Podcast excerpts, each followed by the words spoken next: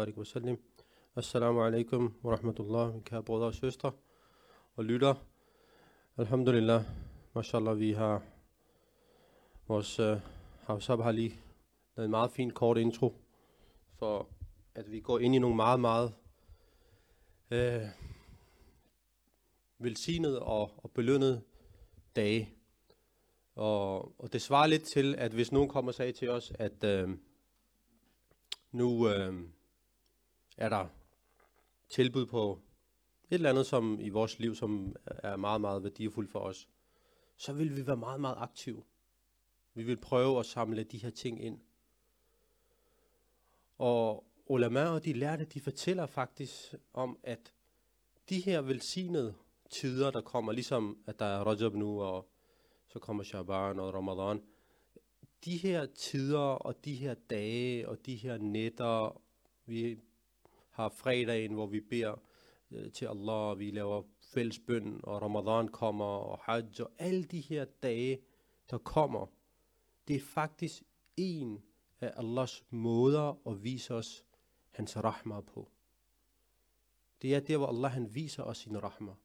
Hvor han siger, hvis du gør lidt i de her måneder, jeg belønner dig for meget.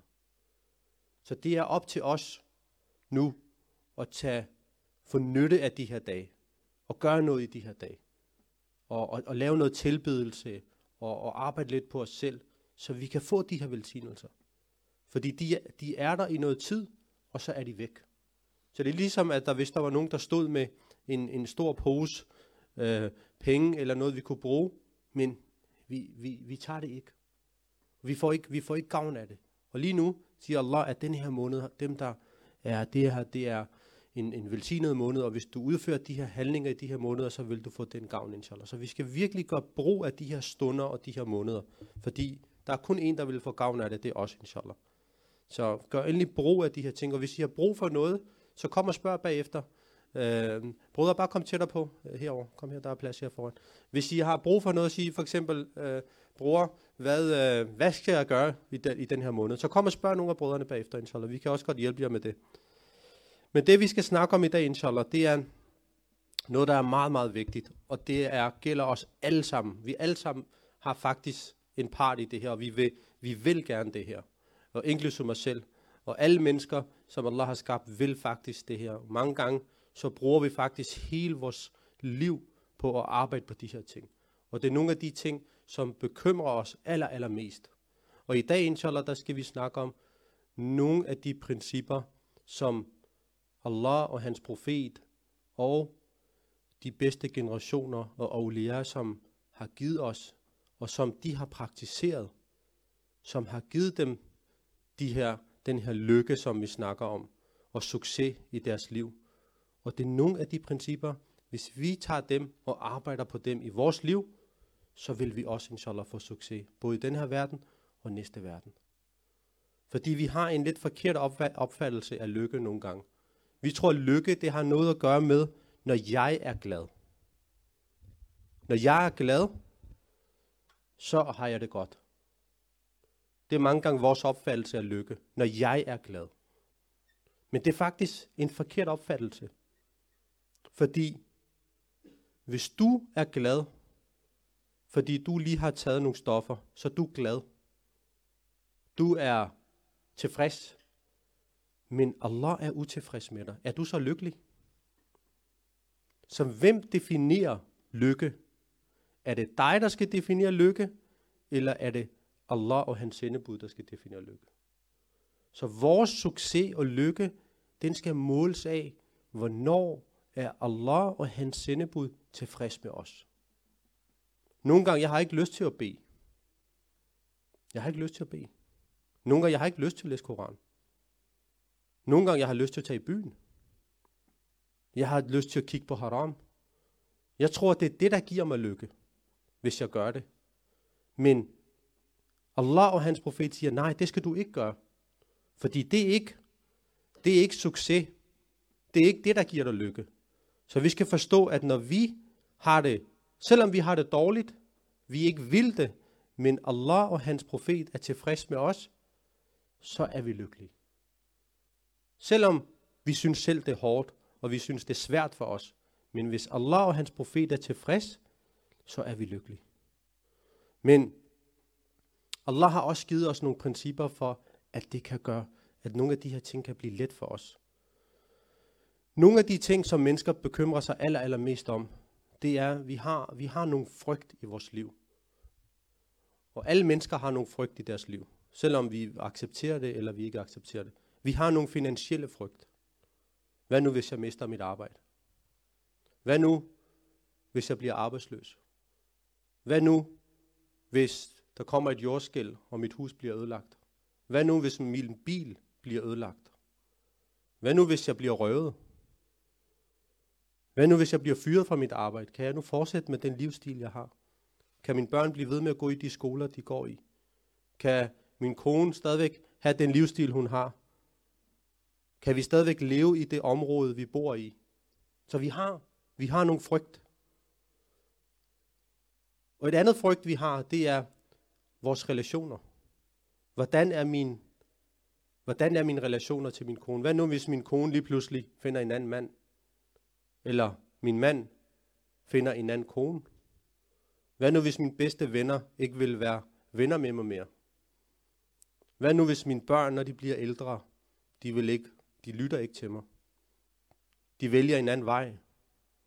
De gør noget, som vil faktisk være en skam for min familie, vores familie. Så det er nogle frygt, vi har. Hvad nu hvis de venner, som jeg går i skole med, de vil ikke være sammen med mig mere. Det synes jeg er kedeligt. Så det er nogle frygt, vi alle sammen har. Og et andet ting, en anden, en anden frygt, vi har, det er, hvad tænker folk om mig? Hvordan tænker folk om mig? Nu er jeg begyndt at, at gå i moskeen. Jeg er begyndt at have sunder skæg. Jeg er begyndt at ikke tage ikke til bryllupper mere, hvor der er sammenblandede bryllupper, hvor der foregår uislamiske ting. Jeg stoppede med, med at tage det over. Jeg er stoppet med at, at lave haram ting. Jeg er stoppet med at, at gå ud med mine venner, som laver noget haram. Hvad tænker folk om mig? Er han blevet, er han blevet hellig? Er der overhovedet nogen, der vil give mig deres datter, hvis jeg er sådan? Så hvad tænker folk om mig? Hvad tænker folk om min familie? Så det er nogle frygt, vi har. Og nogle gange, så nogle mennesker, de tænker meget over de her ting, og nogle mennesker, de tænker mindre over de her ting. Og de her tre frygt, det er nogle, og der har vores ulama, det vil sige helt tilbage fra sahabas tid, de har faktisk ud af profeten al liv og sunnah og Allahs ahkam udledt tre principper. Hvis vi følger de tre principper, så vil Allah subhanahu wa ta'ala, de der tre frygt, vi har, Allah vil tage sig af dem. Er det ikke, er det ikke, er det ikke virkelig nogle guldklumper, vores, vores lærte har fundet til os, som faktisk, hvis vi følger de tre principper, så vil Allah tage sig af de problemer, vi har, eller de frygt, vi har. Familie, relationer, finansielle frygt, dem vil Allah tage sig af. Og der er tre ting, vi kan gøre. Og der er tre principper, vi skal følge. Så i dag, inshallah, der vil jeg komme ind på de tre principper. Hvad er det for nogle tre principper, som vi kan praktisere i vores liv? Og hvis vi gør det, så kan vi få Allahs hjælp. Ikke nogen andres hjælp. Ikke menneskers hjælp. Direkte Allahs hjælp til, at vi kan komme over de her ting. Fordi mange gange, når vi snakker med folk, og når vi snakker med søstre, faktisk det er de tre ting, hele vores dagligdag, den, den, den kører rundt om. Hvis det ikke er familie, så er det penge. Hvis det ikke er penge, så er det status. Det er faktisk det, vi går og bruger hele vores tid på. Og jo tidligere man starter med at praktisere de her tre principper, jo mere hjælp kan man få af Allah subhanahu wa ta'ala.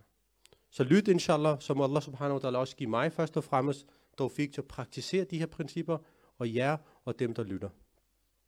Den første princip. Der kommer i hadith, at profeten al de siger, at den, der prioriterer den næste verden, det vil sige akhirah, Allah vil tage hånd om hans værtslige forhold. Den, der prioriterer, den, der siger, at akhira er nummer et, Allah vil tage, han, tage hånd om hans værtslige ting. Hvad vil det sige? Allah vil tage hånd om alle de ting, som han er udfordret i, i den her verden. Som har de materialistiske ting. Dem vil Allah subhanahu wa ta'ala tage hånd om. Hvad vil det sige med andre ord? Vil det sige, at man skal sætte sig i et hjørne i masjid og sige, lav dhikr Allah, Allah, og tage til umrah to gange om året, og tage til, tage til hajj? Nej, det er ikke det, det vil sige. Det der, det, der menes med det her, det er, hver gang i din dagligdag, du udfører en handling, hver gang der er en forpligtelse til dig, det vil sige, du er på arbejde, og, og der bliver lavet adhan, der er tid til salatul duhar, eller asr, så siger du, fint, jeg stopper med det her møde, jeg laver min salat, og, og jeg fortsætter med mit møde bagefter. Du skal stadigvæk passe på din krop, og du skal stadigvæk gøre alle de ting, som du plejer, men kan I se, at du prioriterer Allah nummer et. Så hver gang, at der er en konflikt, eller hver gang, at der er noget, du skal udføre, så prioriterer du det. Når du gør det, så vil Allah subhanahu wa ta'ala tage hånd om dine ting. I en anden hadith, profeten al de siger, at Allah han siger, det vil sige, det er en hadith qudsi, det vil sige, det er Allahs ord, som profeten al siger med deres, deres, øh, deres tunge. De siger, Allah han siger, O min slave, gør dig fri til min tilbedelse. Jeg vil gøre dit hjerte rig og fjerne fattigdom fra dit hjerte. Det vil sige, Allah subhanahu wa ta'ala, han siger, hvis du gør dig fri til min tilbedelse, så vil jeg fjerne frygten af fattigdom fra dit hjerte. Jeg vil tage det væk fra dit hjerte. Altså den frygt af fattigdom, man har, som jeg var inde på, at du siger, hvad nu hvis der sker det her? Hvad nu hvis jeg mister det her? Der er jo folk, der er millionærer og milliardærer, men de har stadigvæk en frygt for fattigdom. De, har stadig, de frygter stadigvæk, hvad nu hvis min, min forretning går ned? Hvad nu min business går ned? Måske har de penge nok til, at deres næste flere generationer kan spise det, men de har stadigvæk den frygt. Og så har vi også mødt personer i den her verden, der måske kun har nok til en dag, men deres hjerte, den er rig. De har ikke den her frygt for fattigdom, fordi at de har gjort sig fri til Allahs tilbedelse, så Allah han har fjernet den frygt for den. Tænk på at leve et liv, selvom du har alt det, du næsten kan begære, men stadigvæk dit hjerte, den er, den er, den er, den er fattig. Det er derfor profeten al islam, de siger i en anden hadith, at rigdommen, rigdom, det er, det er hjertet. Det er ikke, hvor mange penge du har. Hvor meget kan du, hvor meget kan du Giv fra det, du har? Ikke, hvor meget, du, hvor meget formue du giver i antal af det, du har. Så Allah subhanahu wa ta'ala, han siger, den der gør fri, den der gør dig selv fri til min tilbedelse, jeg vil gøre hans hjerte rig, og jeg vil fjerne fattigdommen fra hans hjerte. Hvis du ikke gør det, så vil jeg, så vil jeg gøre dig optaget. Så vil, jeg, så vil du blive optaget, og fattigdommen og bekymringer vil ikke blive fjernet fra dig. Så det vil sige, hvis du ikke gør det, så vil, så vil Allah subhanahu wa ta'ala vil gøre tingene og bekymringer, bekymringerne vil stadigvæk være i dit liv. Du vil stadigvæk være bekymret. Du vil stadigvæk, du vil stadigvæk tænke over alle de her ting. Fordi de her bekymringer, de ligger, de ligger i dit hjerte. Det svarer lidt til, det svarer lidt til, at hvis en person, en anden hadith, hvor at uh, profeten al de siger, at Allah subhanahu wa ta'ala, han, den der gør sig selv fri til Allah, Allah han samler hans arbejde. Han samler hans ting. Han gør hans ting let for ham. Hvad vil det sige, Allah han gør noget let for en?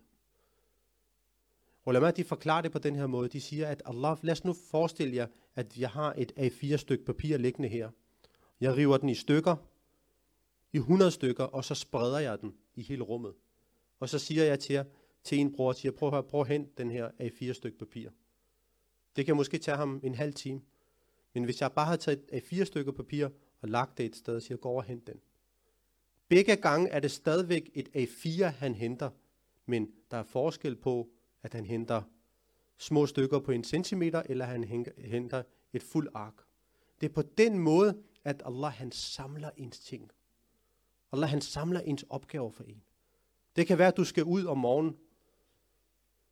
Din, øh, ham, du skal over besøg, du møder den rigtige person i det kontor, du skal over til. På dit arbejde, du møder de rigtige mennesker. Du får ikke nogen, du får ikke nogen parkeringsbøde. Du holder rigtigt, du finder en parkeringsplads.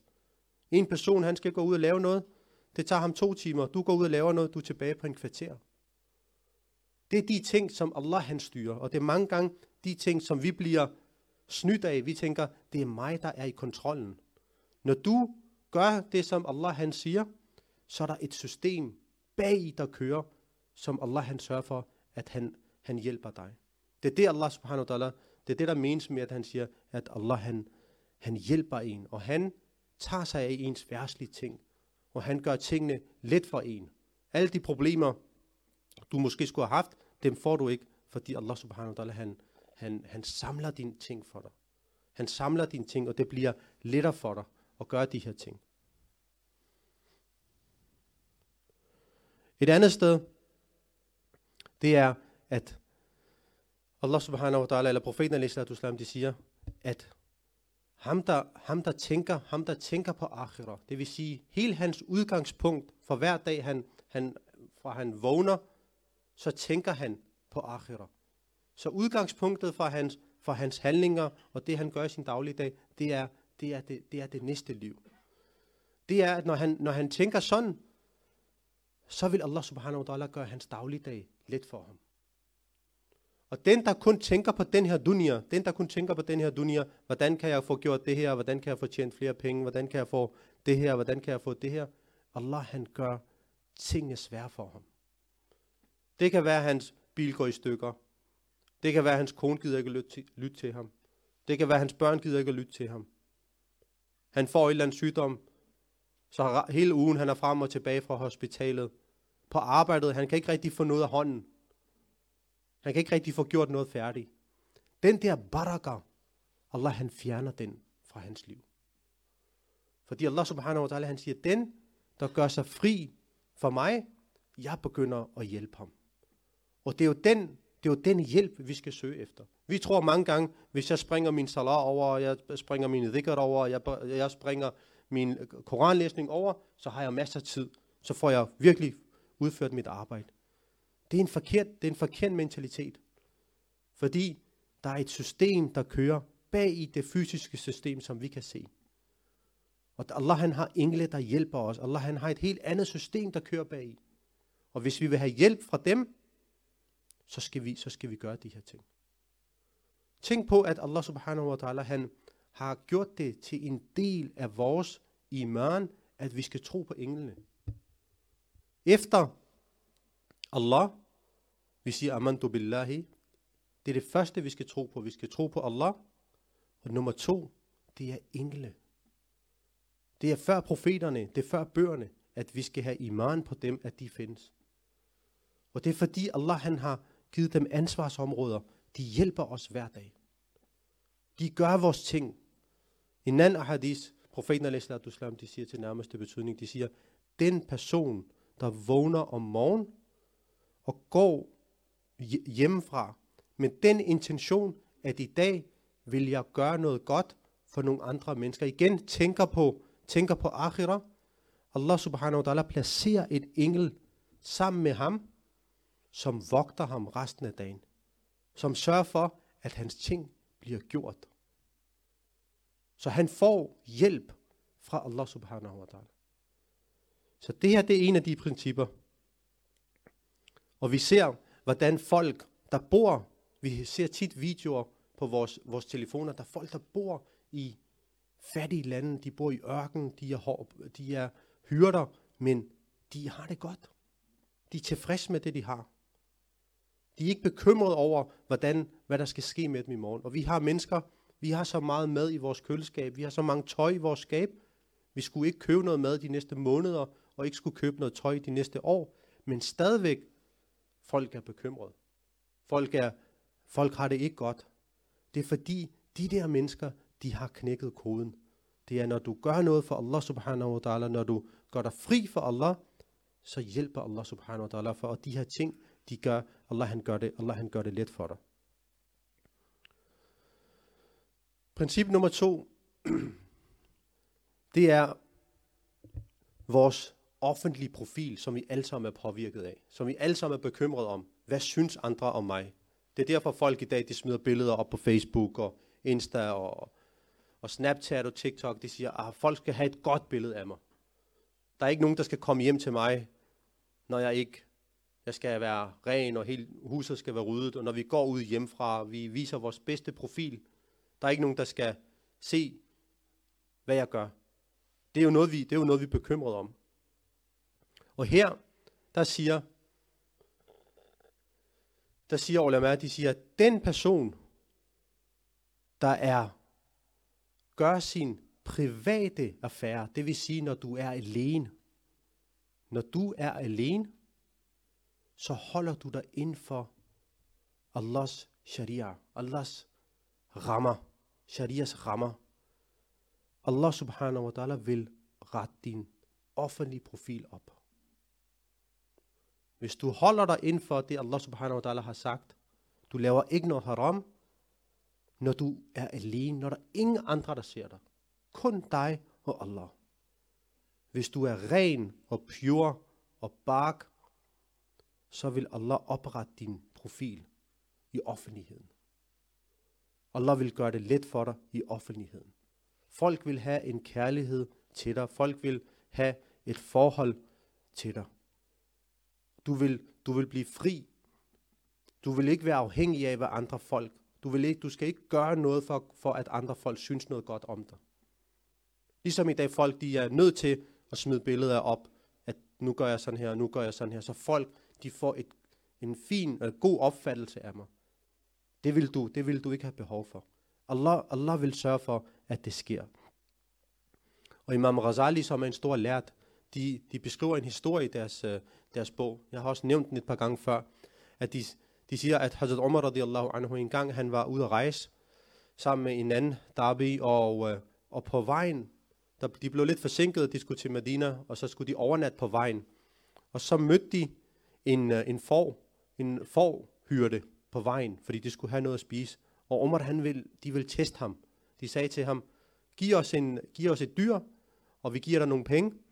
Og han sagde, nej, det er ikke, øh, jeg, er, jeg, er bare en, jeg er bare en hyrde. Det er ikke, det er ikke mit, det er, det er min ejers, og jeg er, hans, øh, jeg er hans arbejder, så det er ikke mit. De sagde, det er lige meget, vi giver dig nogle penge. Bare sig til din ejer, at øh, der er sket en, øh, der kom en ulv eller noget, og de, de, tog, de tog den her lam. Og den her person, han sagde, ja, det kan jeg godt sige til min ejer, men hvad skal jeg sige til Allah? Fordi Allah, han ser os jo. Og Umar radiallahu anhu, de blev så glade, og de blev så glade for den her person.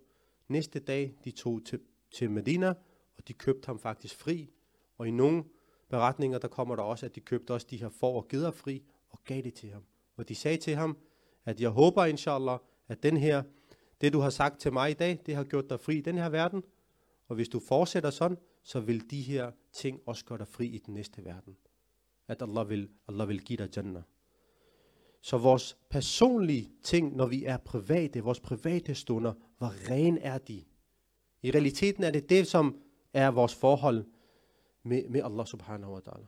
I en anden beretning, der siger profeten al til sahaba, de siger, at og min sahaba, der vil være folk, der vil være folk, der vil komme på dommens dag. De vil have gerninger på størrelse med bjerge,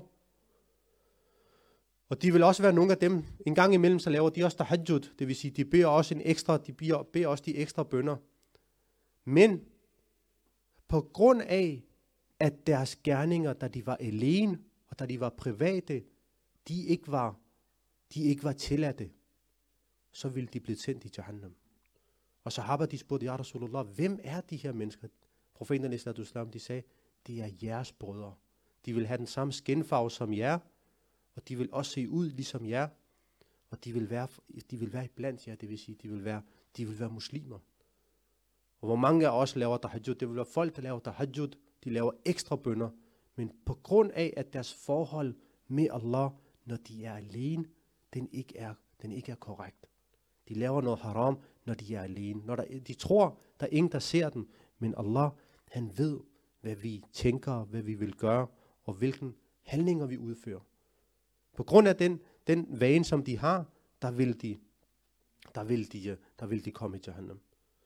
I dag, fordi vi tænker nogle gange, at, at det vi gør i, det vi gør privat, det vil ikke blive offentliggjort. Men det er op til Allah.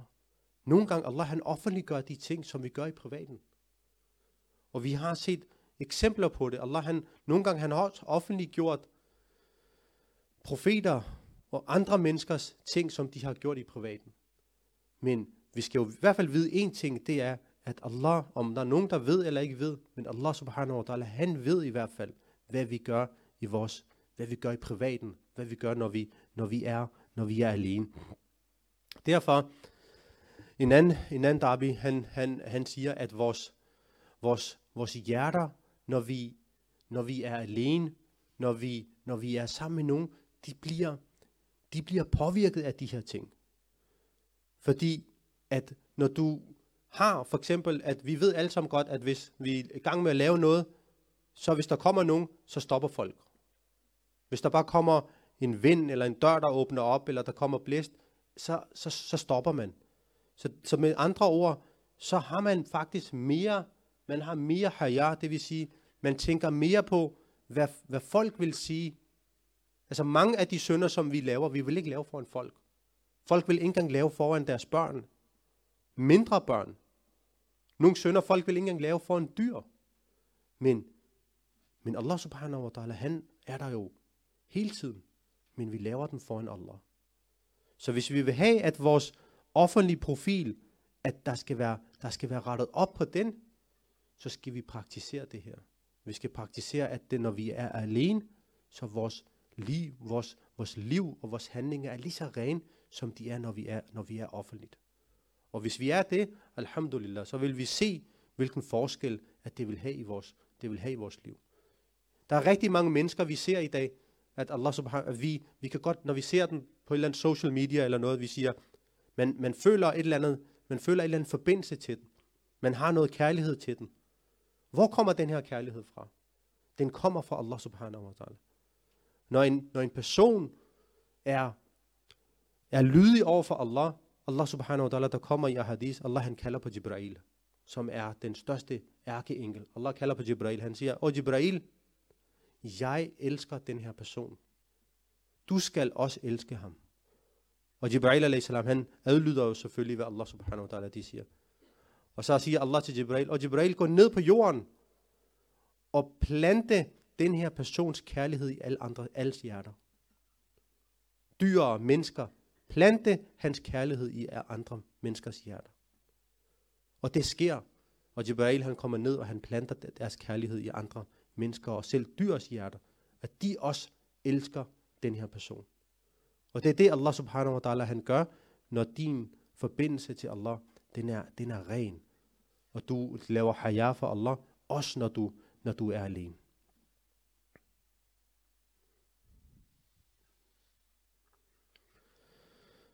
Og den tredje princip, som inshallah vi skal tale om, det er den person, der retter op på sin forbindelse til Allah. Det vil sige den vertikale forbindelse opad til Allah. Allah vil rette op på hans horisontale forbindelse. Det vil sige den forbindelse, som han har til sine øh, naboer, mennesker, han bor sammen med. Så hvis vi vil have et godt forhold med alle mennesker rundt omkring os, først og fremmest skal vi arbejde på, at vi har et godt forhold til Allah. Hvis vi har et godt forhold til Allah, så vil Allah rette vores forhold til vores familie, vores venner, vores bekendte, og alle dem, der er rundt omkring os. Fordi det vi gør, når vi har en forbindelse til Allah, det påvirker vores, det påvirker vores offentlighed. Det påvirker den måde, vores forbindelse vil være på dem, der er rundt omkring os.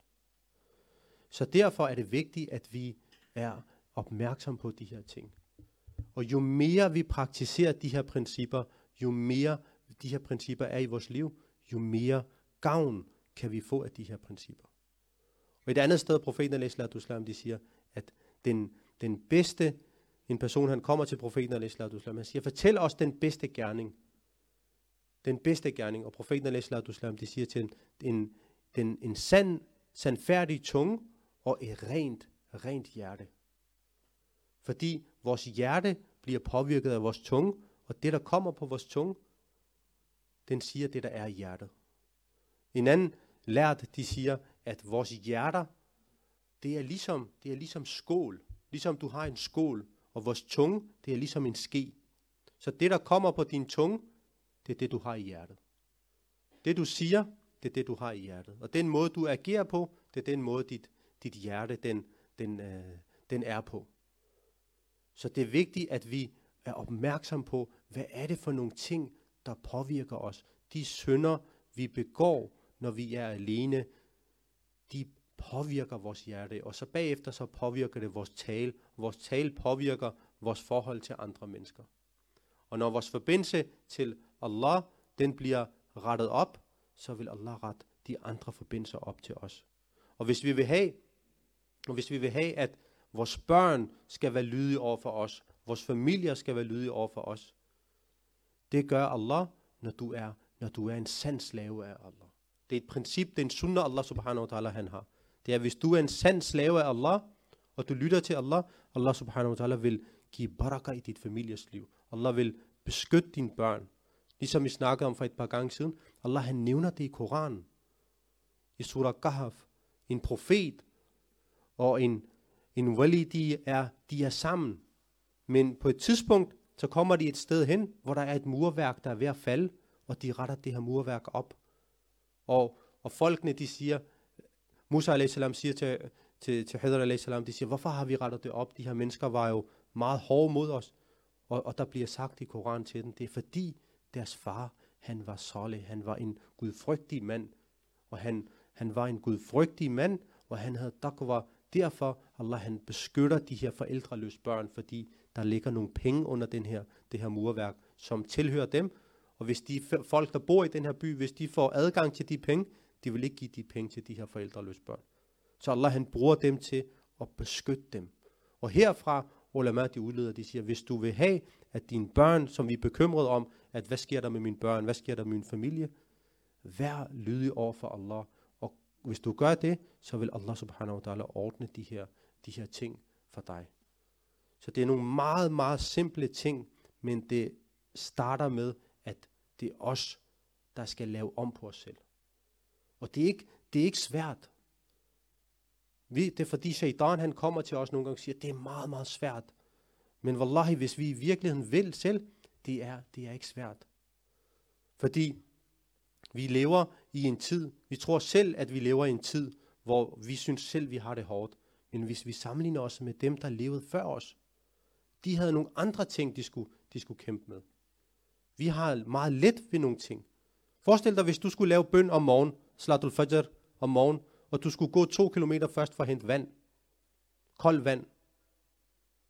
Og så skulle du lave din abde, så skulle du lave din wudu, og så skulle du bede din bøn i en kold rum. Men prøv at tænke på, hvor let vi har det. Varm vand, varm rum, tæppe, og vi, vi synes stadigvæk, det er svært. Dengang, subhanallah, de skulle gå, samle vand, og så var der ikke nok vand, så var det koldt. I profetens måske, i flere år, der var ikke nogen lys. Hver gang det regnede, det blev, det blev vådt. Mange gange profeten al islam, de lavede sujud, de havde, de havde mærker på deres hoved. Der var mudder på deres forpande. Men prøv at tænk på, hvor let, hvor let vi har det. Hvis vi har spørgsmål, vi kan søge, søge viden. Vi har, vi har biler. Vi skal ikke beskytte, vi er i sikkerhed. Bare tænk i den her verden, alhamdulillah, vores, søstre og vores brødre, der bor i, der bor i Mellemøsten eller de andre steder, hvor, hvor, der er, hvor der er ballade. De ved ikke, hvis de går ud af døren, om de kommer ind igen. Vi skal ikke bekymre os om de her ting. Vi har sikkerhed. Vi ved, vi har mad.